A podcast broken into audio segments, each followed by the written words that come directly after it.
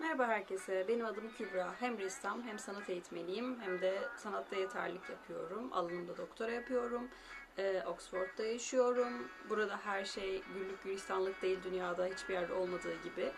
Ee, şöyle bir şey anlatmak istiyorum ve konuşmak istiyorum sizinle. Yaklaşık 12 yıldır çocuklarla çalışıyorum ve 3 yıldır İngiltere'de yaşıyorum ve aktif olarak burada e, bir sanat şirketi kurdum, sanat okulu kurdum aslında ama bunu online yapıyorum.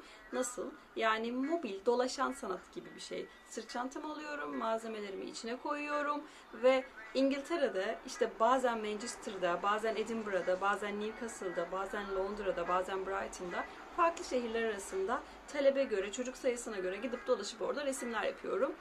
Bunu neden anlatıyorum? Bir sürü farklı milliyetten, farklı kültürden, farklı yaşlardan çocuklarla tanıştım ve tanışıyorum ve ta- her gün buluşuyorum aslında bir kısmıyla.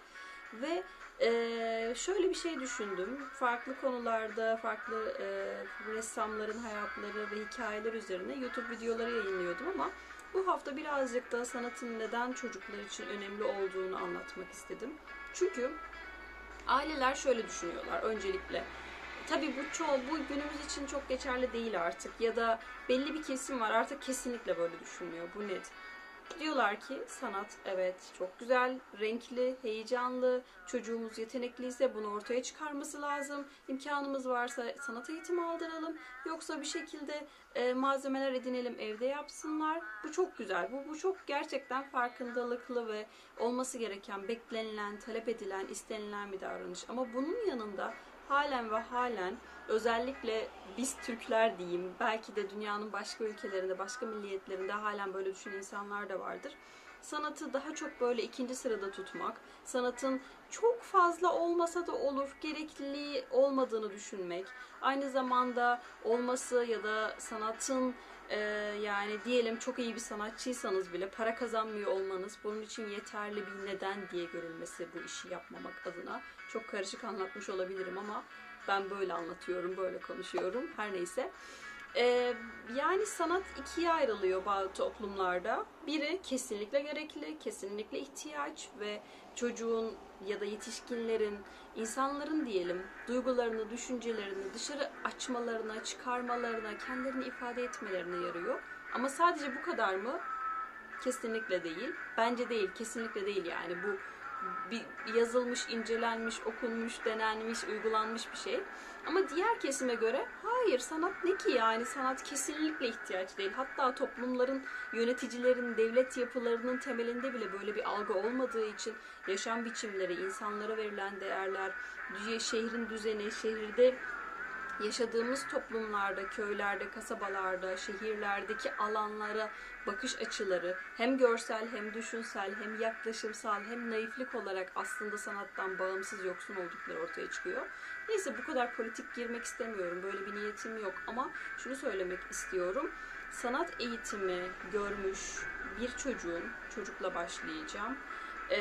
Diğer çocuklara kıyasla, sanat eğitimi almamış bir çocuğa kıyasla algı biçimi, farkındalığı, kendini ifade etme yöntemi, özgüveni, başkasına karşı, bir karşısındakine karşı, bir başkasına karşı taşıdığı empati duygusu, aynı zamanda hissettiklerini bazen konuşmadan sadece çizgileriyle, sadece müzik yaparak, sadece bedeniyle ifade ederek, hareket ederek yapması bile aslında ne kadar sanatın önemli ve gerekli olduğunu gösteriyor. Bunun yanında araştırmalara göre zaten sanat eğitimi almış e, bireylerin ya da çocukların e, daha mutlu, daha özgüvenli, ne istediğini bilen, nasıl bir yol almak istediğini yaşamında bilen, belirleyen e, yetişkinler olarak hayatlarına devam ettikleri biliniyor.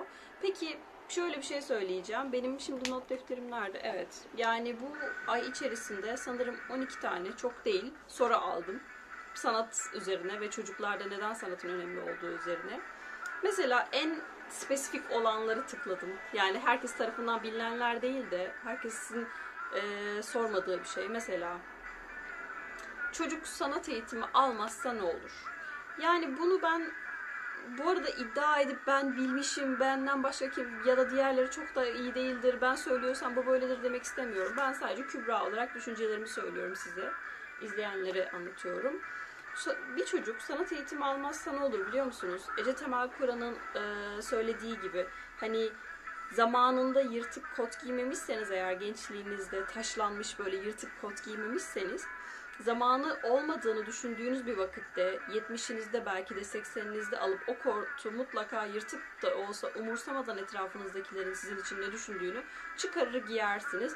Ve o kadar onu aslında gençken bastırmışsınızdır ki o yaşlılık döneminde ya da ileri yetişkinlik döneminde diyeyim giydiğiniz o kotu hiçbir şekilde acaba ayıp mı ya da absürt bir şey mi yapıyorum kaygısı duymadan dolanırsınız etrafta. Çünkü o kadar bastırmışsınızdır. Bu sanat eğitimi de böyle bir şey. Yani mutsuz bir şekilde sadece işte sanat e, eğitimine gerek duymadan ya da zamanında ekonomik olarak ileride kaygı duymasın diye garanti meslek sahibi olup işte ileride gidip bankada çalışmak üzerine ya da bir işte ho, şey şirketlerde beyaz yakada altında full time çalışmak üzerine çok güzel böyle eğitimler alıp kendini geliştirip üniversiteleri, masterları, doktorları bitirip CEO'lar olup ardından hayatının en beklenmedik bir anında boşluğa düşmek gibi bir şeyle karşılaşır bence. Bu benim düşüncem. Ve bunun altından ya da kalk, şöyle kalkabilir ya da üstesinden ancak şöyle gelebilir. Kendisine yönelir. Ben ne istiyorum? Ben burada mutlu muyum? Ben gerçekten doğru bir yerde miyim? Bunu isteyerek mi yaptım? Para gerçekten bu kadar değerli miydi benim için? Gibi sorularla karşılaşır bence sanat eğitimi almayan bir birey. Yani sanat eğitimi insanların sahip olduğu ama fark etmedikleri yönlerini ortaya çıkarmasını sağlayan bir e, güzellik diyebilirim. Güzellik yani estetik yaklaşım olarak. Mesela şu boynumdaki kolye. Bunu neden taktım? Birazcık da bunu örneklendirmek için. İşte bu tahta kolye mesela tasarımını çok beğeniyorum. Tahtadan yapılmış, içerisine camlar yerleştirilmiş. Hindistan'da bir tane kadın çok minimal bir şekilde bir tasarım yapmış ve bunu sunmuş yani. Sonra başka biri keşfetmiş. Aa bu çok güzel bunu şuraya da götüreyim satayım demiş. Böyle böyle yayılmış ve ben bunu Victoria and Albert Museum'da gördüm ve onlar ta nerelerden nerelerden ulaşmış bir tasarımı şu an İngiltere halkına sunuyorlar. Şunu ne söyle, neden söylüyorum, bu örneği neden veriyorum? Bu kadın sayesinde ben bu kolyeyi takabiliyorum. Yani bu kadına ihtiyaç var. Yani bunu ortaya çıkartacak bir fikri olup da bunu ürüne dökmeyecek bir insan aslında birazcık da topluma da haksızlık ediyor. Topluma yani birazcık daha felsefeye kayacağım ama dünyaya gelme amacın nedir diye sorunca ben herhalde bir şey yapmam gerekiyor. Ben birazcık daha faydacı olarak, faydacılık olarak bakıyorum. Yani bir görevim olmalı herhalde. Yani hiçbir şey yapmamak için öylece oturmak için geliyor olamam. Ya da ben değil de başka biri de gelebilirdi. Ben geldiysem, ben seçildiysem bunun bir sebebi olmalı diye düşünüp ha bir dakika benim bir şeyler yapmam lazım diyerek mesela ben çocukları çok seviyorum gerçekten. Çok yorulduğum günler oluyor. Bazen 7-8 saat çocuklarla aralıksız sohbet ettiğim günler oluyor. Bazen onlara diyorum ki çocuklar çok üzgünüm ama çok yorgunum. Sadece bugün seni dinleyebilir miyim? Bana anlat ne hissediyorsun? Ben şöyle şöyle hissediyorum diye onu dinliyorum. Ama genel olarak çocuklar gerçekten yani algıları biçimi, biçimleri, yaşam şekilleri, düşünceleri, bizim dalga geçtiğimiz bazı ironileri onlar hayatlarında uyguluyorlar ve bunu yaparken o kadar mutlular ki kendi kendine konuşan öğrencilerim var mesela. O kadar rahat ki aslında biz bunu kendi kendimize düşündüğümüzde deli olduğumuzu düşünüyoruz.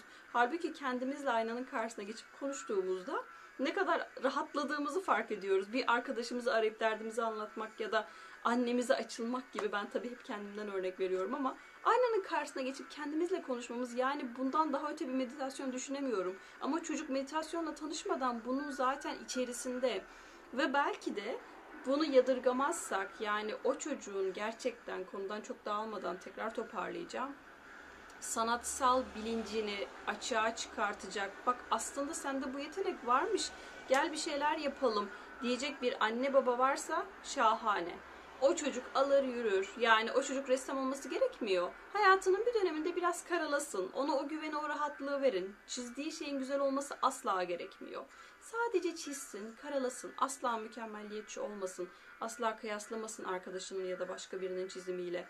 Ama mutlaka mutlaka karalasın. Ona o imkanı verin. Ya gidin 5 pound, 5 TL'ye mi, 10 TL'ye mi, 3 pound'a mı, 7 pound'a mı, 1 pound'a mı en ucuz boya kalemlerini alın. Onun önüne kağıtlar koyun, indirin ve karalasın. Bunu yapmakla başlayın. Hiçbir şey yapmıyorsanız çocuğunuz için sanat adına. Ama bunu da zaten yapıyorsanız ama bir ileri seviye düşünüyorsanız imkanınız varsa tabii ki çocuğunuzun seviyesine uygun güzel sanat eğitimlerine bakabilirsiniz. Ee, kendi reklamı yapıyormuş gibi olmayayım ama yani ben uzun yıllardır zaten çocuklarla çalışıyorum. Benden bağımsız başkalarına danışın. Hatta ben sizi yönlendirebileceğim bir sürü isimler verebilirim. Bunun da yanında internet diye bir şey var hayatımızda ve interneti Google'a tıkladığımızda bile nasıl çizilir diye baktığımızda çocuğa günlük bir saat program uygulayarak nasıl çizebileceğini ya da nasıl çizmek yerine nasıl özgürce karalayabileceğini gösterebilirsiniz. Günde mesela hatta haftada iki gün Bob Rose günü yapın. Biliyorsunuz Bob Rose'u TRT'de izliyorduk ve muhteşem resimler çiziyordu. Çizdiği resimler çok realistti ama bir o kadar yorumlamaları da vardı. Konuşuyordu hatta bazen ağaçlarla, hayvanlarla. Ama ona bir sanat kültürü aşılayın. Onun e, o bu şu andaki virüs dönemleri geçtikten sonra bir şey anlaması gerekmiyor. Yaşının küçük olduğunu kesinlikle düşünmeyin. 4 yaşında mı? Hiç fark etmez. Alın onu yine de en böyle e, çılgın dediğiniz, asla anlamayacağını düşündüğünüz bir müzeye götürün. O sadece orada dolansın. Benim çocuklarla müzede buluşma sebebim de bu. O atmosferi görsün. Okul diye bir şeyin varlığını biliyor. Müze diye bir şeyin varlığını da bilsin. Etrafındaki nesnelere, objelere baksın. Onların eski olduğunu, önemli olduğunu, çok eskilerden, uzaklardan getirilip diğer insanlara gösterildiğiyle tanışsın. Bu bile o kadar yeterli ki ee, çok fazla uzun uzun böyle daha da sizi yormak istemiyorum. Bu aslında videom birazcık da velilere yönelikti. Size e, güzel böyle bol renkli, şanslı ve verimli günler diliyorum. Evde zaman geçirirken çocuklarınızla bazen çok yorulduğunuz, onlara konuşur, konuşurken cevap vermek istemediğinizi bile hissedebiliyorum. Bu da çok anlaşılır bir duygu. Bazen yoruluyoruz. Ama belki şöyle bir şey söyleyebilirsiniz.